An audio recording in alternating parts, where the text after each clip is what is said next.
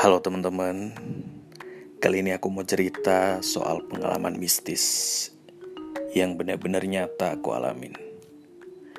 Oke, sebelumnya jangan disamain kayak nightmare ya karena aku nggak bermaksud buat menambah-nambahkan diksi atau intonasi yang horor. Ini memang benar-benar apa adanya aja, kepikiran untuk sharing ke teman-teman. Oke, okay, buat kalian yang punya pengalaman horor yang lebih wow, jangan anggap cemen ini karena setiap pengalaman atau situasi yang mencekam, setiap orang punya cara yang beda-beda untuk ngatasin hal tersebut. Pengalaman ini gue rasain di tahun 2017.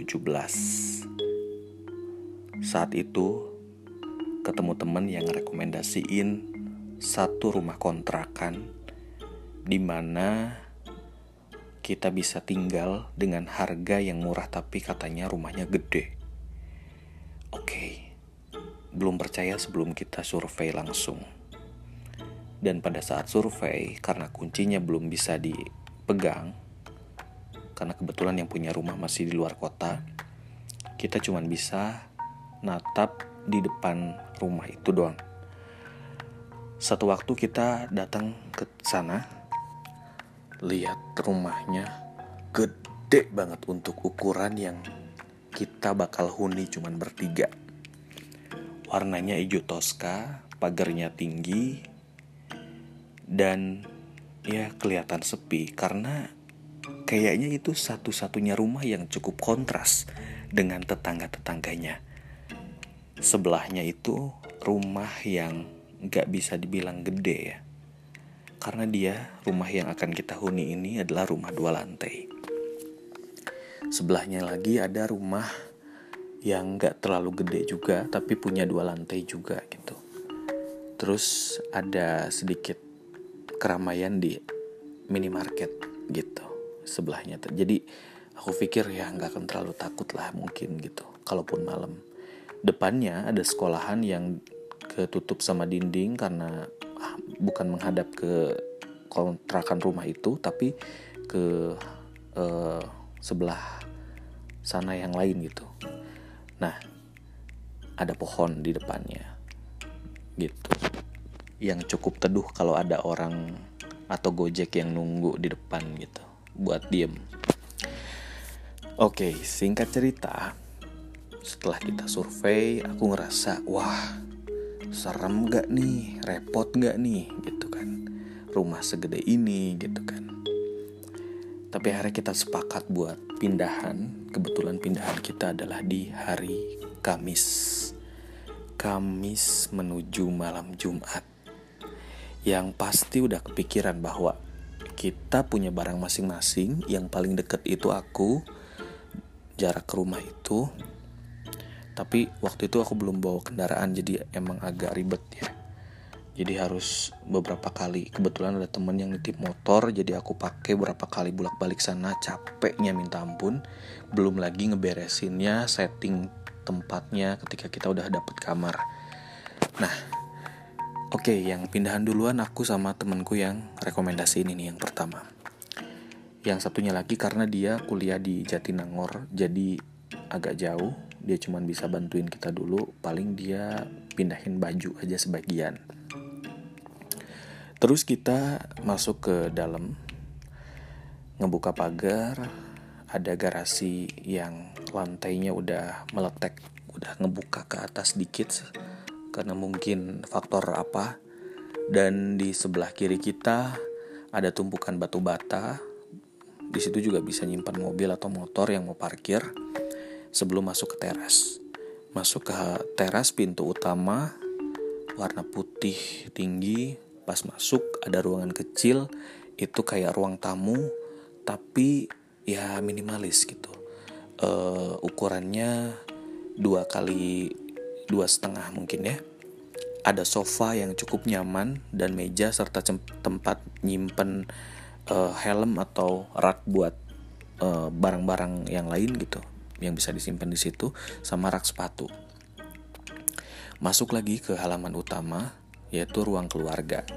Di ruang keluarga itu ada sofa juga terus ada kamar yang ada di pojok. Nah sebelum kamar itu ada dua ruangan yang dindingnya adalah kaca.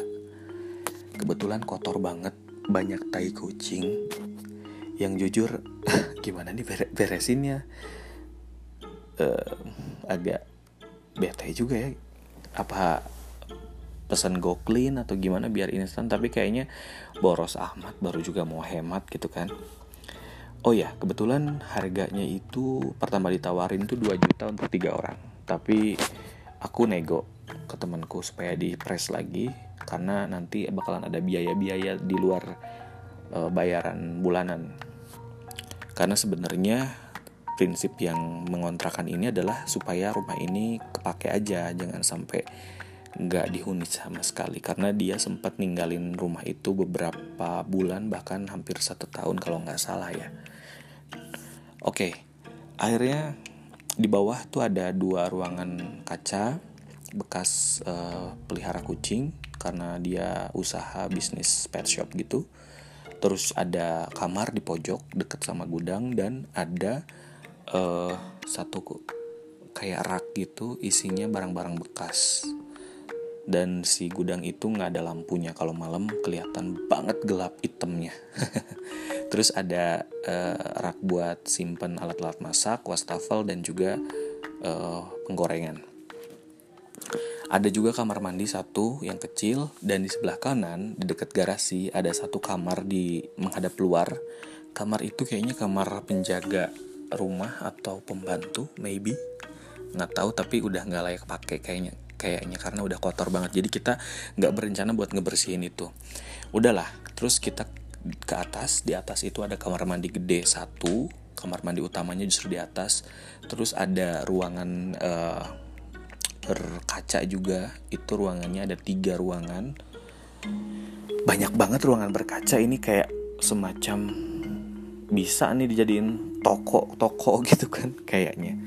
Terus ada pintu keluar menuju balkon gitu sama ada kamar lagi dua kamar utama.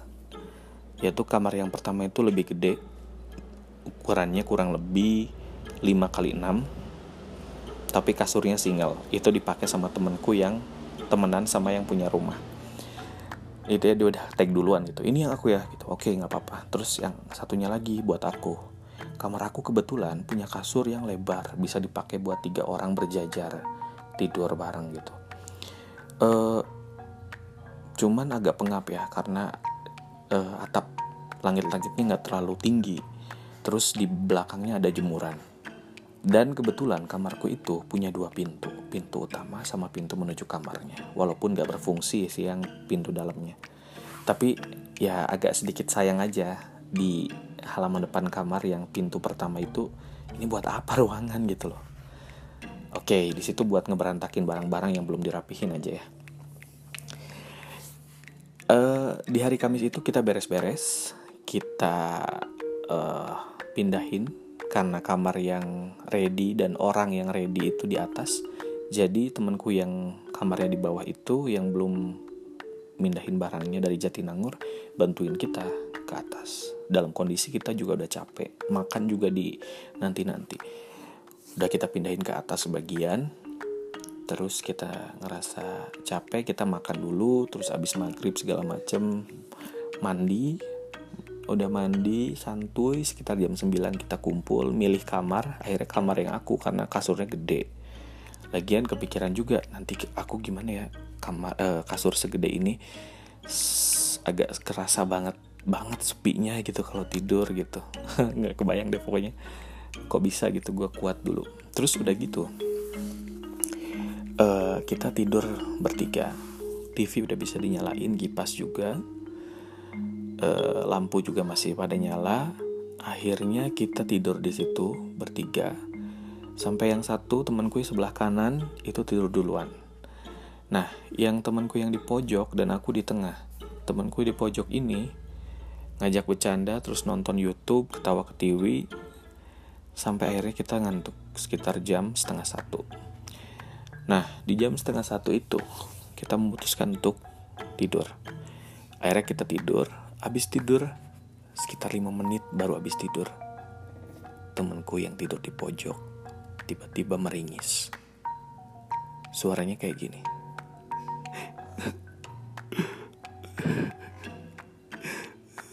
Dia bilang gitu ah kenapa lu? Terus awalnya aku parno dikit kayaknya mimpi apa gimana ya. Makin kenceng lah itu suara. Sampai akhirnya aku tepuk hei kenapa eh? Jangan jangan jangan bercanda kenapa? Ngimpi sakit atau nggak enak badan? Capek atau apa dia bilang terus dia bilang ini pundak sakit banget terus kaki dingin. Terus lama kelamaan makin kenceng terus aku suruh minum susah suruh duduk susah. Aku bangunin temanku yang sebelah kanan buat bangun.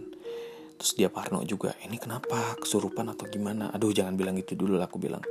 Baca-baca uh, surat-surat pendek aja lah ayat kursi kayak al-fatihah atau apalah gitu ya.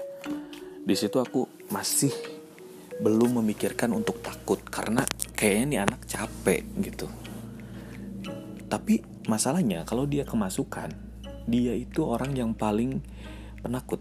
Karena tadi sore sempat minta uh, antar ke atas gitu jadi belum berani sendiri. Padahal dia yang udah pernah main dulu ke rumah temennya itu akhirnya aku berusaha buat nyadarin dia secara full. Dia malah aneh malah ngerasa sakit sampai akhirnya ngegerung ya ngomong kayak cina mana itu nyawa? Itu nyeri pisan. Pundak tuh nyeri. Dia bilang gitu. Terus mukanya makin merah tapi pucat. Aduh jangan lah ya. Terus, aku, terus dia tiba-tiba bilang ambilin sisir pengen nyisir katanya gitu. Ah ambilin sisir? Gila lu ya. Ngarang lu emang ada sisir cuman kalau dikasih apa jadinya gitu kan. Terus tiba-tiba dia bilang kayak kegigit uh, rambut gitu. Emang rambut lo panjang? Terus aku bilang nggak ada nggak ada sisir. Setelah sisir dia minta apa? Dia minta kopi. Kopi hitam. Hah? Kopi hitam? Baru-baru gue bikin belanja apa belum? Cuman ada air putih. Itu juga limit nggak ada. Aku bilang aku agak nyolot ya karena udah emosi maksudnya nggak usah gini lah kalau bercanda. Nggak ada yang ulang tahun juga di sini kok. Terus yang ketiga dia minta apa? Dia minta melati. Pengen makan melati dia bilang. Di situ udah anjir merinding nih. Apa nih? Gitu kan. Di gebrik-gebrik sampai akhirnya dia mau duduk di situ dia bilang pengen ke bawah. Aduh aku pengen ke bawah dia bilang. Ngapain ke bawah cuy? Ini udah mau jam satu. Pengen ke bawah. Wah setengah jam kurang lebih dialog kayak gitu. Boro-boro mau ninggalin dia buat ke air misalkan wudhu terus ngaji. Temanku aja yang suruh ngaji. Mana tetap di sini ya? Jangan dulu tidur lanjut. Enggak lah kata dia. Terus akhirnya saking keselnya udahlah dituntun mau ke bawah. Pas di tangga kedua mau turun dia tiba-tiba teriak ngegoreng jat terus balik lagi ke atas balik lagi ke atas. Dia bilang ngapain embung siun? Hah? Kok takut gitu loh? Kan tadi yang pengen ke bawah didinya. Tapi kayaknya orang yang ah, sorry maksudnya makhluk yang masuk ke dia tuh tiba-tiba keluar seketika gitu. Akhirnya kita antar lagi masuk ke kamarku duduk dan tidur lagi sampai akhirnya aku bangunin yang punya rumah. Kebetulan dia nginep di malam itu. E, kak maaf itu kenapa ya? Si itu kata aku bilang. Dia datang ke kamar terus dia nelfon mamahnya kata mamahnya setel uh, ayat kursi atau yasin di apa di YouTube di setel. Tapi kayak konyol aja didengerin kayak gitu tetap aja nggak manjur ya. Akhirnya aku beraniin diri buat uh, apa wudhu pakai sarung ngaji. Kebetulan ada Quran gede banget. Ngaji dari situ tapi agak ke distract gitu sama suara dia yang makin bikin jangar gitunya simpen lagi akhirnya. Sudah kaulah lazim udah. Maunya apa maunya ke bawah tetap dia bilang kasihan ada cewek sakit. Ada cewek dia baik kok. Ayo cepet pengen nyamperin ke bawah. Dia kekeh. Akhirnya kita antar ke bawah. Hampir mau jam dua setengah tigaan kita antar ke bawah. Dudukin di sofa ruang tengah. Kita ajak dialog dia. Dia tetap bilang pengen ke sana. Dia nunjuk pengen ke sana. Sana itu adalah di pojok. Yang tadi aku bilang ada rak di pojok deket gudang. Entah dia mau ke gudang. Katanya di rak itu ada cewek itu. Bajunya lusuh. Kedinginan. Kasihan. Tapi tadi dia yang ngerasain kedinginan di atas. Kayaknya mungkin pindah apa gimana gitu ya. Walau alam bisawab. Terus akhirnya dia nunjuk-nunjuk. Aku tahan tunggu tunggu bentar bentar aja. Bentar lagi subuh bentar ya jangan. Terus dia tuh ngeliatin ke muka ke muka aku terus dia bilang ngomong apa ya? Pengen ke sana? Gak gue bilang gitu. Terus dalam hati buset sih gue jagoan juga ya gitu. Nggak takut sama yang kayak ginian apa gara-gara emosi gitu. Kalau nggak dibikin emosi mah nggak mungkin deh. Terus akhirnya deket waktu subuh akhirnya aku ambil wudhu nih sama temanku. Cukup lama juga kan di situ lumayan. Sampai akhirnya kita bisa nahan dia gitu. Nggak nggak sampai ke pojokan itu karena takut benar-benar takut. Itu gelap luar biasa. Wudhu sholat sama temanku yang satunya lagi. Sementara yang punya rumah yang dia adalah temennya si yang kesurupan ini nemenin dia jagain dia. Aku sholat di kamar yang pojok bawah deket gudang. Itu hawanya panas ah haridang mencek bahasa yang namanya. Tapi ya udahlah sholat. Sholat terus zikir. Yang punya rumah sempat nggak percaya sempat ngelak. Tapi pas aku tahiyat uh, mau salam itu dia sempat manggil. Gilang karena aku udah salam aku aku jawab ya kak tadi dengar sesuatu nggak di atas? Enggak aku bilang ada yang teriak pas kalian sholat. Astagfirullahaladzim merinding di situ kan. Aku nggak denger kak. Aku tetap kayak enggak nih nggak ada nggak ada gitu. Terus aku sama temanku lirik. Kayaknya enggak sih cuman nggak tahu sih ya kalau kamar ini emang hawanya beda. Gerah banget.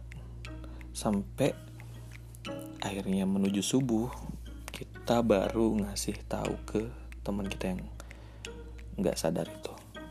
Sampai kita akhirnya berani karena udah ada cahaya matahari sampai dia nggak jadi akhirnya ke gudang itu. Ya udahlah terus kita bawa jalan-jalan pagi-paginya.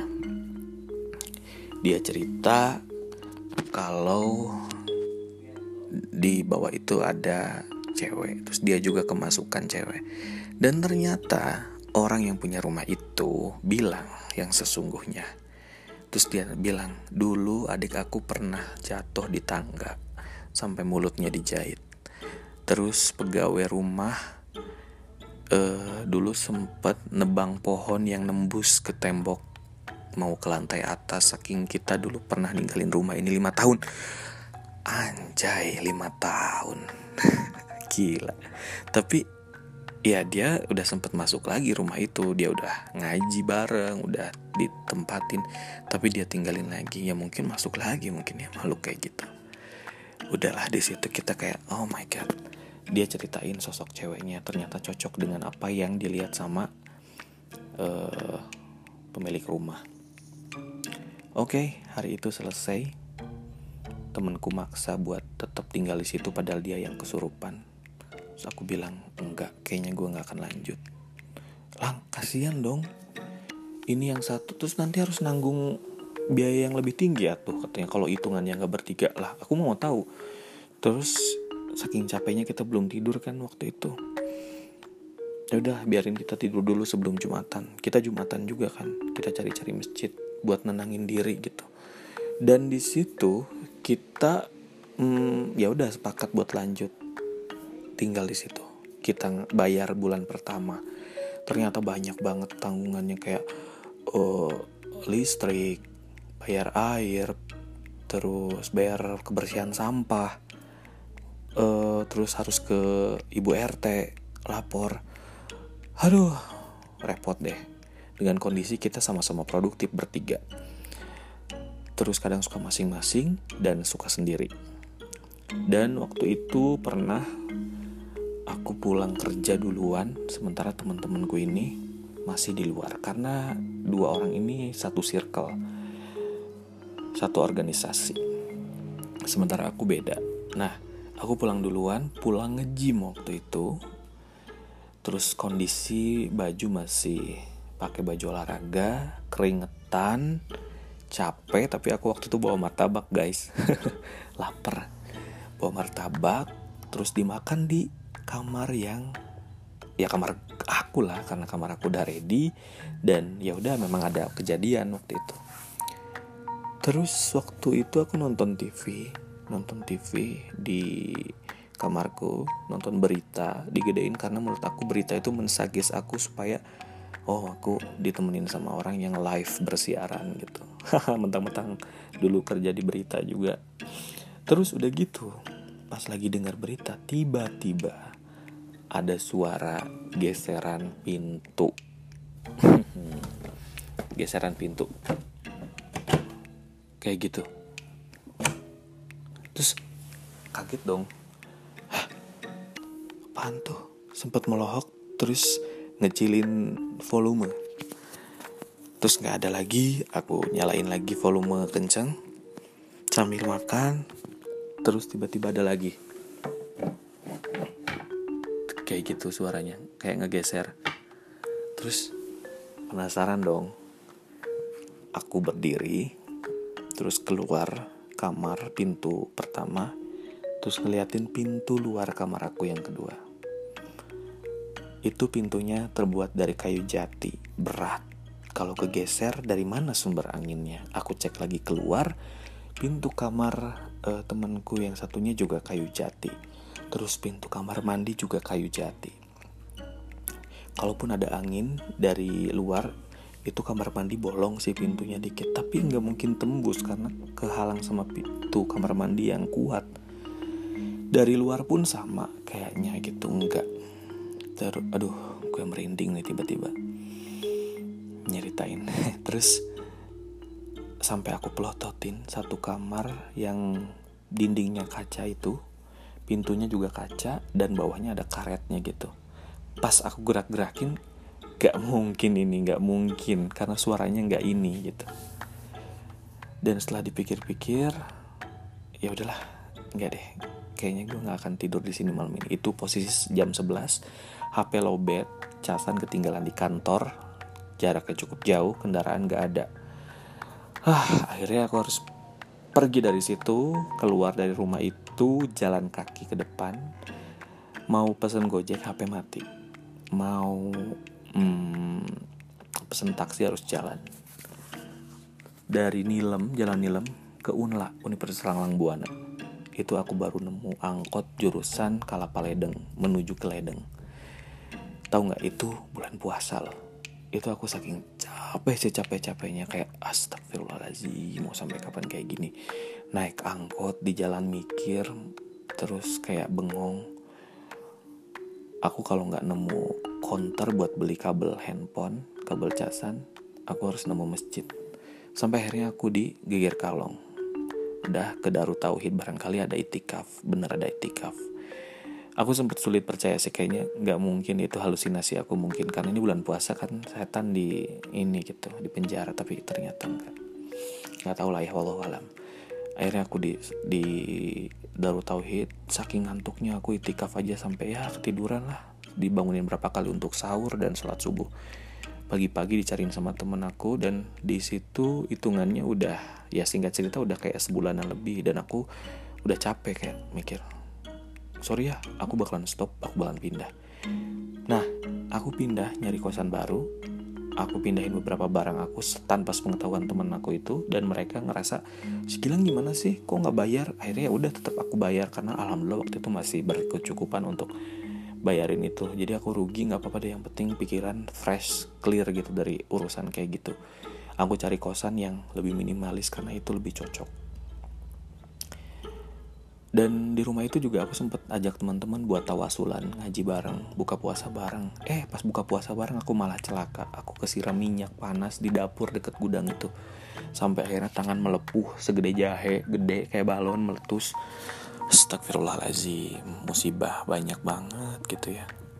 Udahlah dari situ pindah kosan. Sampai aku jelasin baik-baik ke temen aku masih mau bayar listrik apa-apa nyumbang ke kalian supaya kalian gak terlalu berat. Tapi tolong bebasin aku buat tinggal di kosan yang baru gitu. Alhamdulillah aku ngkos di tempat yang baru. Tapi pengalaman itu jadi kepikiran terus sampai detik ini.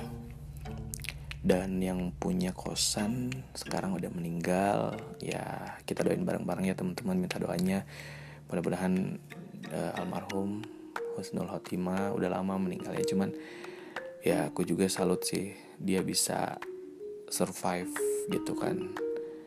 Nggak memperlihatkan sakitnya tapi dia juga punya usaha yang cukup sukses di luar kota gitu.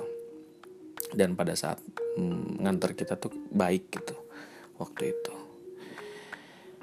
itulah pengalaman mistis yang tidak seberapa. Mungkin aku nggak ngelihat secara visual, tapi teman-temanku setelah aku pindah dan aku main lagi ke situ mampir, dia ngomongin bahwa ada si A, si B yang nampakin diri lah, si Teteh lah, si, si anak kecil lah. Aduh itu whatever aku nggak mau tahu. Aku bilang tutup buku di situ. Aku alhamdulillah sampai detik ini nggak pernah dan jangan pernah lagi dikasih keparnoan untuk melihat ataupun mendengarkan hal-hal mistis kayak gitu. Cuman segitu sih pengalaman aku dan mudah-mudahan gak ada keterusannya lagi karena aku orang yang cukup parno.